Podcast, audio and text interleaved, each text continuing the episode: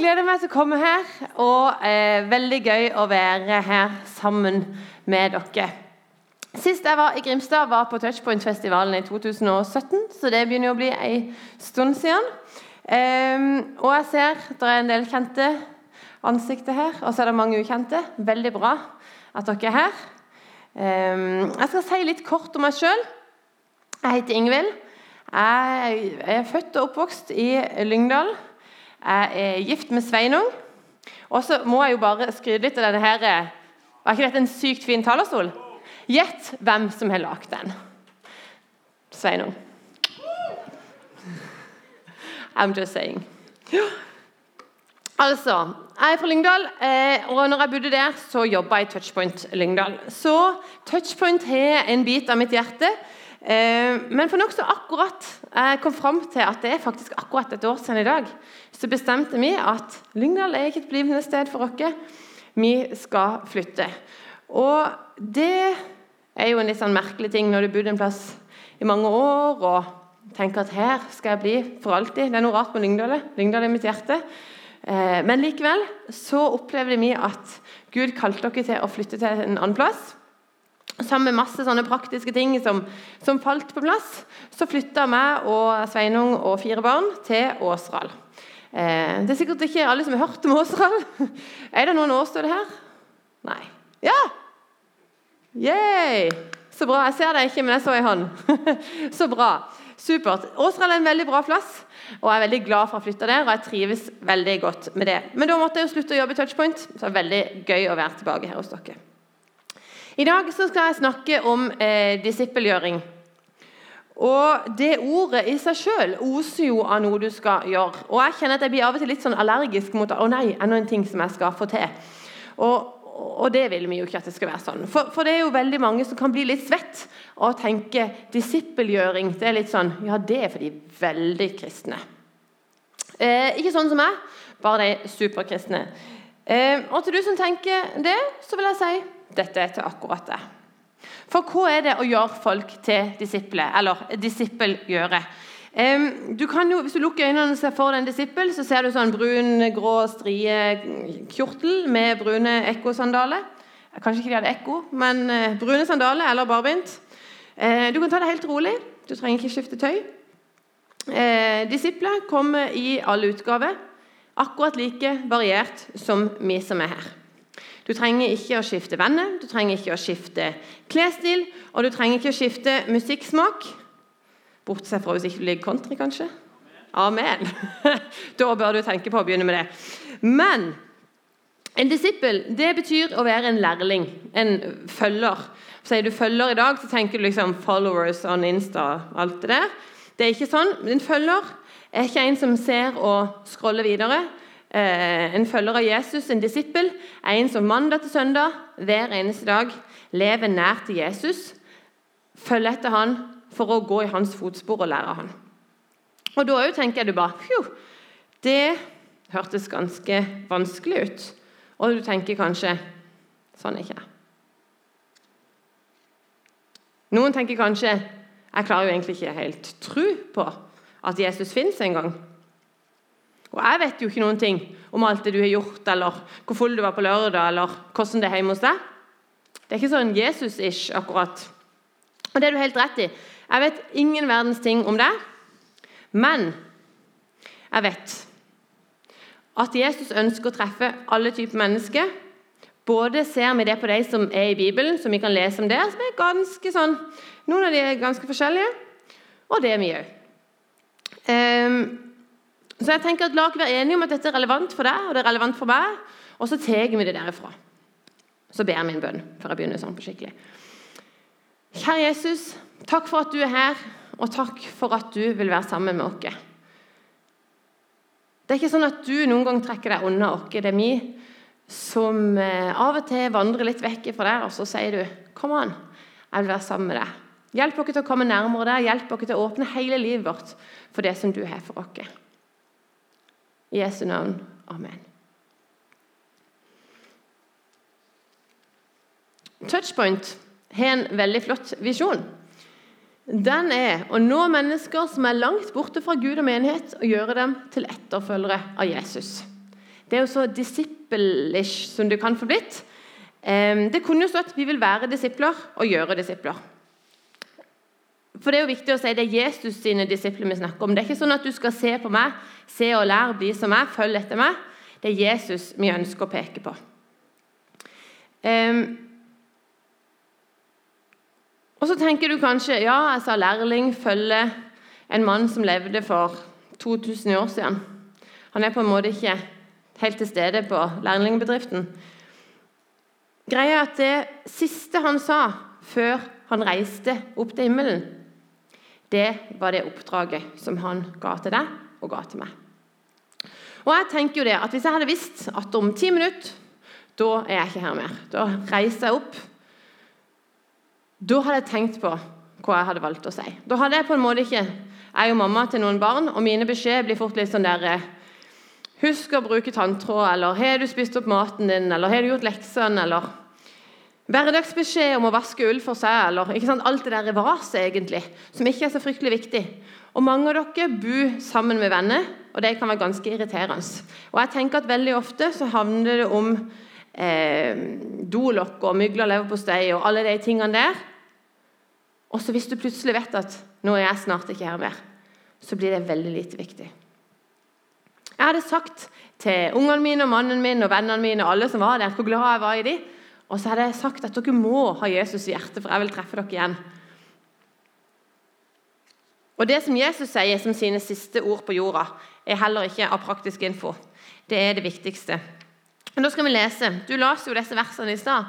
En litt annen oversettelse, men der står det Jeg har fått all makt i himmelen og på jorden.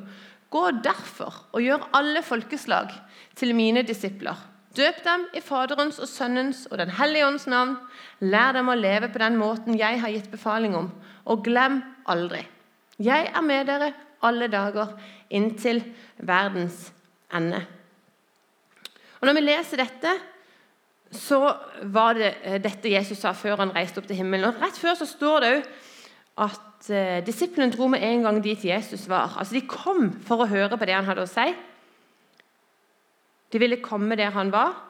Og så står det jo at noen holdt igjen, for de tvilte fortsatt. Men legg merke til at de er fortsatt i flokken. Og Det er et viktig poeng.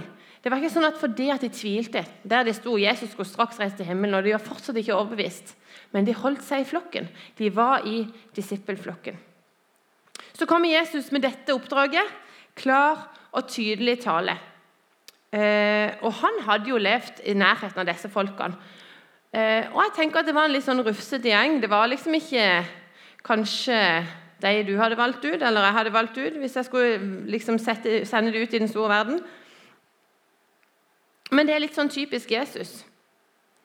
Selv om han visste at de var svake under press, selv om han visste at de fornekta han, eh, det glapp ut både ett og to og flere stygge ord når presset ble stort, så var det akkurat de han ba om å gjøre det oppdraget.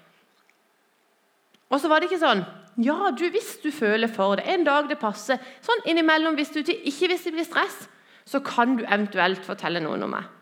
Nei. Det var en befaling. Det var en befaling til deg, og det var en befaling til oss. Og det er det dette handler om. Det er det som er disippelgjøring. Et liv sammen med Jesus, et liv i tett relasjon til Jesus og utøve til våre omgivelser. Så vi skal prøve liksom å bryte dette ned i hvordan eller hvorfor. Så skal vi først se på hvorfor. Jeg har fått all makt i himmelen og på jorden. Gå derfor og gjør alle folkeslag til mine disipler. Fordi at Jesus er den som har ned. Fordi at Bibelen sier at Gud elsker mennesker. Alle mennesker.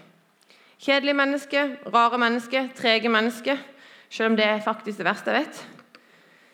Til og med eksen til typen din og han som mobber deg på skolen. Han elsker deg, og så ber han oss om å gjøre det samme. Og Da trenger vi å leve nær til Jesus for å klare akkurat det.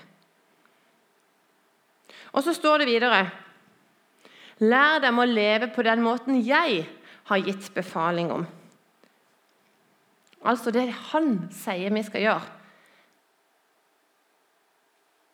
Mitt spørsmål hvordan i huleste hvordan i huleste, jeg sagt, gjør vi det? Og Det er det vi skal bruke mest tid på i dag. Eh, disippelgjøring. Vi kan lese i Bibelen om når Jesus kalte sine disipler. Dette var en gjeng med tøffe gutter. Jeg ser for meg sånn litt sånn muskler, skitne klær Selv stilig ut, egentlig. Sterke. og så drar de opp disse gardene sine, og så er det ingen verdens ting. Og så tenker jeg at de blir ganske stressa, for det var harde bud. Ingen fisk, ingen inntekt, ingen inntekt, ingenting å kjøpe for. Så kommer Jesus og ber dem om å kaste garnene på den andre sida. Bare andre sida av båten, altså. Og det er jo faktisk ganske idiotisk. Likevel så sier Simon, siden du sier det, vil jeg gjøre det. De kaster ut, og så får de så masse fisk at garnene revner. Og selv om jeg er en landkrabbe og har vært i en fritidsbåt to ganger i hele mitt liv, så skjønner jeg faktisk at det er helt ulogisk. Å kaste garnet helt på nytt bare på andre siden av båten var ulogisk, det var kleint, det var flaut. Folk sto sikkert og lo av dem på stranda. Men de gjorde det likevel fordi at Jesus sa det. Garnene blir overfylt, og så sier Jesus til disse guttene at nå skal dere følge med og bli menneskefiskere. Og så gjenger de fra alt de har, for å følge etter Jesus. Jeg tror ikke hvem som helst kunne kommet der og fått folk til å følge etter seg. Men Jesus hadde noe spesielt med seg som de skjønte at her er det noe gull. Og de visste ingenting. Men de tok det første skrittet og fulgte etter Jesus. De tok en bestemmelse, en bestemmelse om å følge etter han. De hadde ikke kvalifisert seg til noen ting. Det var ingen konkurranse, ingenting. Og det er veldig bra for sånne som meg, som aldri har vært gode i fotball, eller aldri vært den som på en måte har fått til sånne ting som alle er flinke til, så er dette for alle. Disipler varierende kvalitet i våre øyne. Sinne Sinnisjus og store i kjeften. Noen andres veldig stille. Kan bare ta en bestemmelse. Følg meg. Og Så fulgte de etter Jesus de neste tre årene. Og det var ikke sånn De bare fulgte etter han og sto stille. Nei, De stilte spørsmål. De viste overmot og ingen mot. De var stolte. De var skamfulle. De svikta Jesus, og de tvilte. Men de holdt seg fortsatt nær til han. Og der er nøkkelen. For det er rom hos Jesus for alle de tingene, for alle de følelsene og alle de eh, sinnelagene. da. Men vi skal holde oss nær til Jesus, og så gjør det noe med oss. For sånn sier Jesus, så skal jeg gjøre dere til menneskefiskere. Og igjen, Det er så bra at det er Jesus som skal gjøre oss. Det er ikke sånn at Kom fiks ferdig og følg etter meg og vær ferdiglaga disippel. Skritt én, bestemmelsen, den må vi ta sjøl.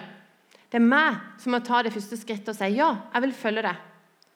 Men de neste skrittene de kan vi ta sammen. Og det er Jesus som sier, tar på seg ansvaret. Jeg skal gjøre det til menneskefisker. Og Jesus visste òg at det er ikke lett å være alene. Det er ikke lett eh, å ikke ha noen rundt seg. Og han hadde en flokk på tolv. Og så var det noen av de som var enda nærmere enn de andre. Og De levde på en måte i en sånn kontinuerlig utvikling og, og delte livet sammen.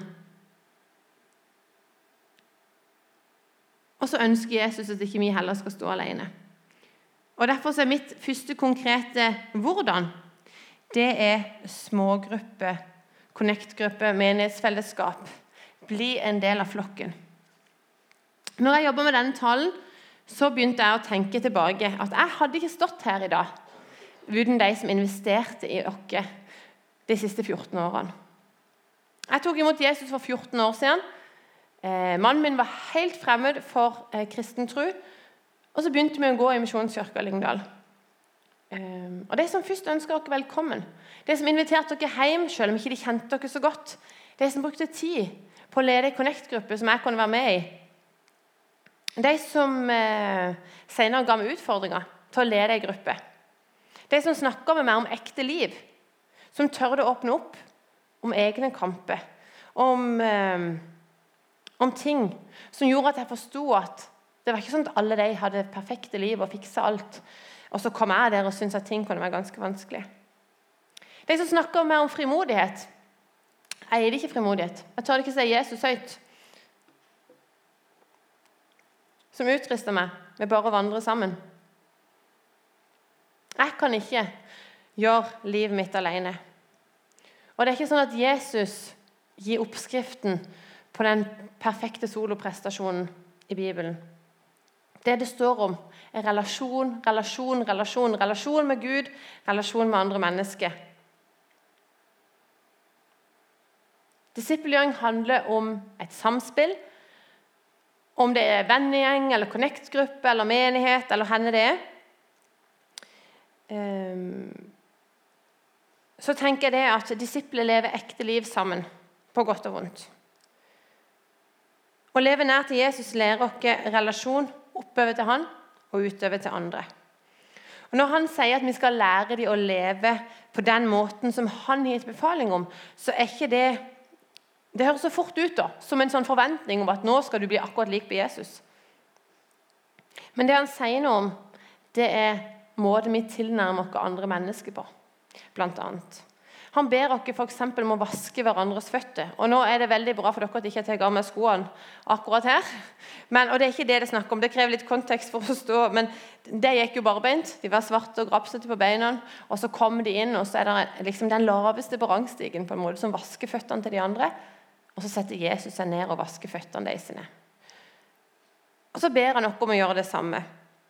Det handler om å møte mennesket nedenfra og opp, og ikke motsatt.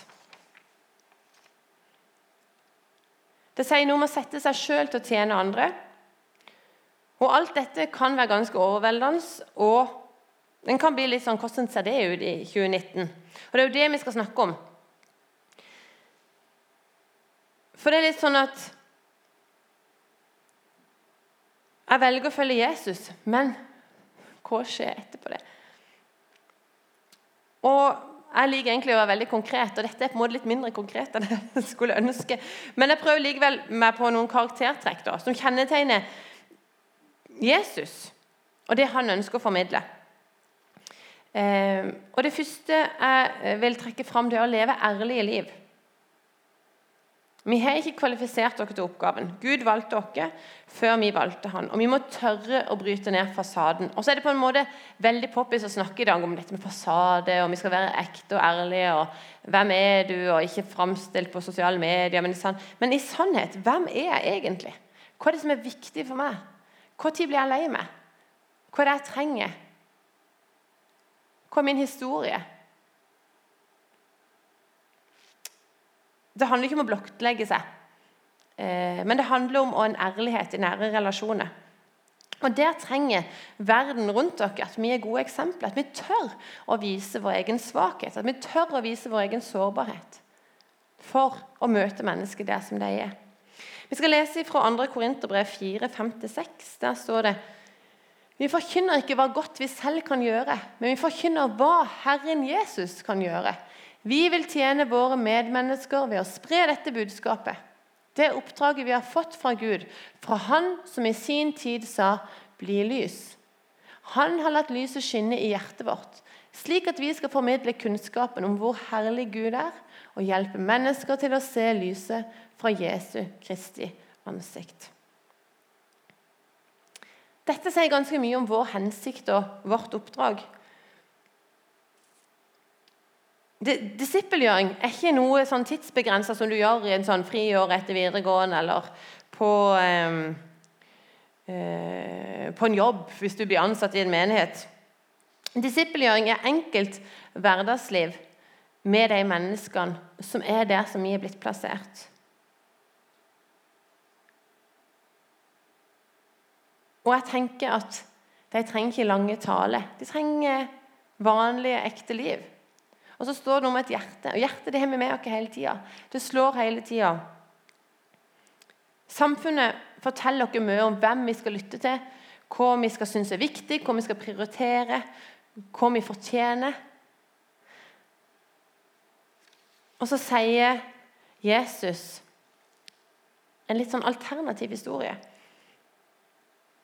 Han holdt ikke en stor festival der det kom masse tusen, og så reiste de hjem og levde videre livet sitt som før. De hadde sikkert hatt en god opplevelse, og det føltes sikkert bra. Men så var det liksom bare det. Et møte med Jesus forandrer mennesket. Og de møtene med Jesus skjer ofte gjennom noen som er her.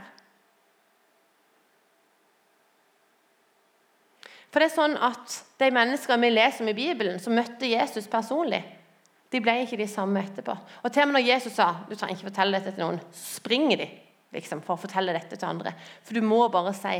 Og det er en som sier jeg vet ikke, jeg kan ingenting om dette, men jeg ser hva han har gjort hos meg.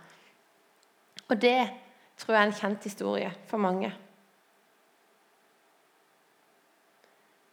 Eller det er mange tenker at ja, men jeg taler ikke, jeg kan ikke snakke høyt, jeg tør ikke si bø i en forsamling. Peter er jo en kjent disippel for mange. Snakket mye, tok mye plass. Var nok en litt sånn åh, bråkete fyr for de andre, kanskje. Vi må ikke glemme den der stille broren hans, som var den som faktisk tok han med og viste han Jesus. Disipler er forskjellige, og det er vi òg. Det neste punktet jeg satt opp, er nåde og tilgivelse. Jesus betegnes som full av nåde og sannhet. Og Noe av det jeg ofte høres for folk som er kritiske til kristen tro, er at kristne tror de er bedre enn alle andre. Har dere hørt det? Ja, ganske mange har hørt det. Hva er det som gjør det? Vi vet jo at vi trenger Gud. Jeg tenker jo at jeg tror jo iallfall ikke jeg er bedre enn alle andre, for jeg trenger Jesus. Mens du tror at du klarer deg på egen hånd. Men da er det igjen noe med det der møtet møte med mennesket istedenfor møte med Gud, møte med Jesus. Som Jesu lærlinger så må vi se og lære han og vise nåde for mennesker som er rundt dere. Og Hvordan det ser ut i dag, det kan bl.a. være det neste punktet jeg har satt opp, å ikke gjøre forskjell på folk. I Bibelen så gikk Jesus veldig mot de kulturelle normene for hvem man skulle snakke med, hvem som skulle få hans tid og oppmerksomhet. Kvinner og barn, f.eks., det var egentlig bare De skulle verken ses eller høres. Syndere og tollere. Han ble beskyldt for å være synder og tolleres venn. Det kan vi tenke er så bra. Han så dem, men det var ikke bra da. Det var veldig, veldig negativt. Han var kritisk til eliten, og så så han de svakeste. Han sa jo f.eks. at det er ikke de friske som trenger lege, det er de syke. Og Den tidas utstøtte ble gjerne satt utenfor bymuren. Vi vil ikke forholde oss til deg og ditt problem. Du sitter der ute med din sykdom. Vi vil ikke bli smitta. Vi vil ikke ha noe med dette å gjøre. Men det var der Jesus stoppa og sa, 'Hva kan jeg gjøre for det? Og så er det jo ikke sånn at Vi har en bymur som vi setter folk utenfor. Men jeg tror mange kjenner seg satt litt utenfor. Utenfor samfunnet, utenfor gjengen, utenfor eh, det som skjer. Kanskje pga. sykdom, kanskje pga eh, andre ting som rammer livet. Og Så kommer Jesus og sier, 'Hva kan jeg gjøre for deg?' Og så ber han oss om å ha det lyset i hjertet som lyser opp for disse menneskene som er rundt dere.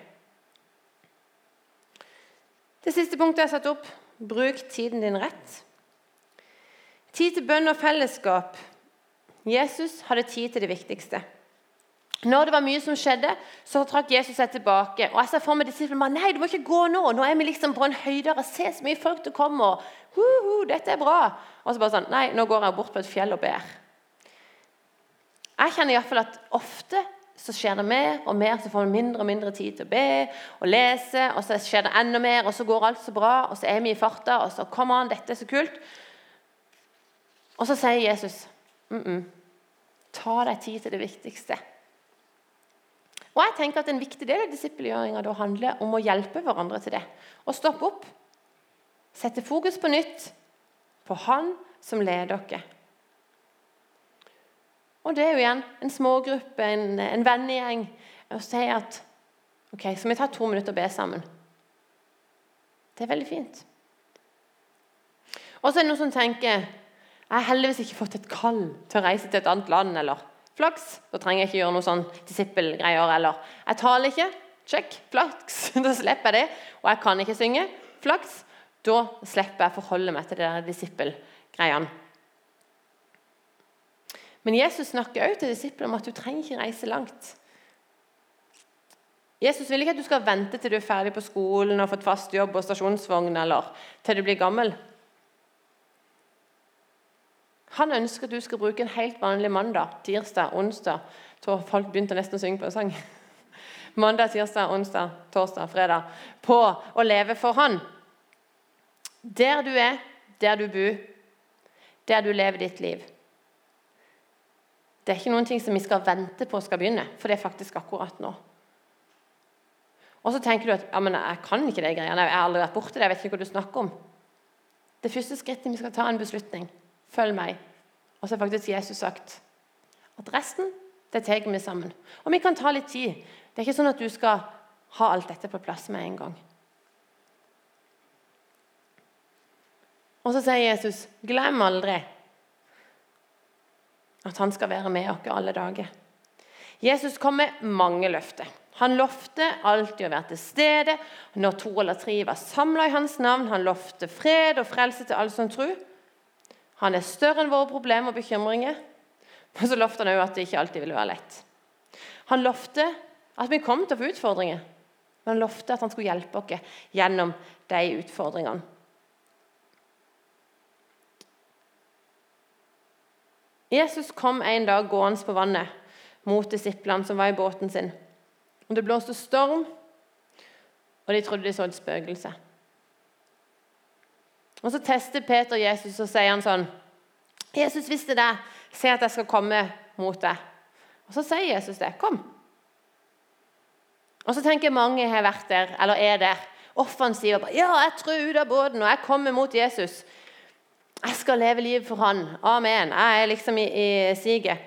Han tar eh, steg ut og har blikket på Jesus, og så er han i god gang. Men så skjer det ofte ting. Enten i familien, eller med venner, eller inni deg sjøl. Og så begynner du å se på de bekymringene og de tingene som skjer, og det raser litt rundt deg. Og bare kikke på de der beina som egentlig teoretisk sett aldri skulle kunne klare å gå på dette vannet. Og så glemmer du å se på Jesus, og det begynner å synke. så tror jeg mange er der. Du er så sykt gira en stund på Jesus og på det som skjer, og du ber og du opplever bønnesvar, og alt er fantastisk. Han leder deg kanskje til Grimstad. Du opplever at han har sendt deg venner. Men igjen så skjer det andre ting, og så feider det liksom ut, og så ble det ikke noe mer. Kanskje du mista noen. Kanskje um, du sliter med vonde tanker, eller du fikk andre venner som du opplevde en konflikt i forhold til det å ha tid til Jesus. Og så ser du at du synker. Og Da tenker jeg det er én liten ting å gjøre. Se opp. Se opp. Fest blikket, for det er ikke for seint. For Jesus sier igjen, 'Følg meg'. Det er det første skrittet. Følg meg. Det er en beslutning. Så skal han gjøre oss til menneskefiskere. Disippelgjøring er å leve det har jeg sagt mange ganger nå, i en relasjon til menneskene rundt deg. Og ber den som setter blikket og retninga mot Jesus. En disippel kan stille spørsmål, en disippel kan tvile, en disippel kan gjøre feil. Men stikk ikke langt ifra Jesus, selv om det skjer. Å forstå at Jesus har et rom for oss med alt det der, med hele oss. Det å kjenne på fred og det å kjenne på nåden. Akkurat fordi at vi ikke er bedre enn alle andre, men fordi at vi vet at vi trenger Jesus hver dag. Det å være den som ser at ingen av oss fikser det alene. Å være den som sier 'pappaen min er sterkest i verden'. Husker dere når vi tenkte sånn? Jeg tenkte sånn om pappaen min. Pappaen min er den sterkeste i hele verden. Bare så du vet det. Har hadde lyst til å treffe han? Sånn kan vi tenke om Gud. Og jeg blir litt sånn barnslig og tenker det er liksom noe med at når du var liten, så var fangene så himla store. Og så ble vi voksne, og så er det liksom ikke sånn at du setter deg på de fangene lenger.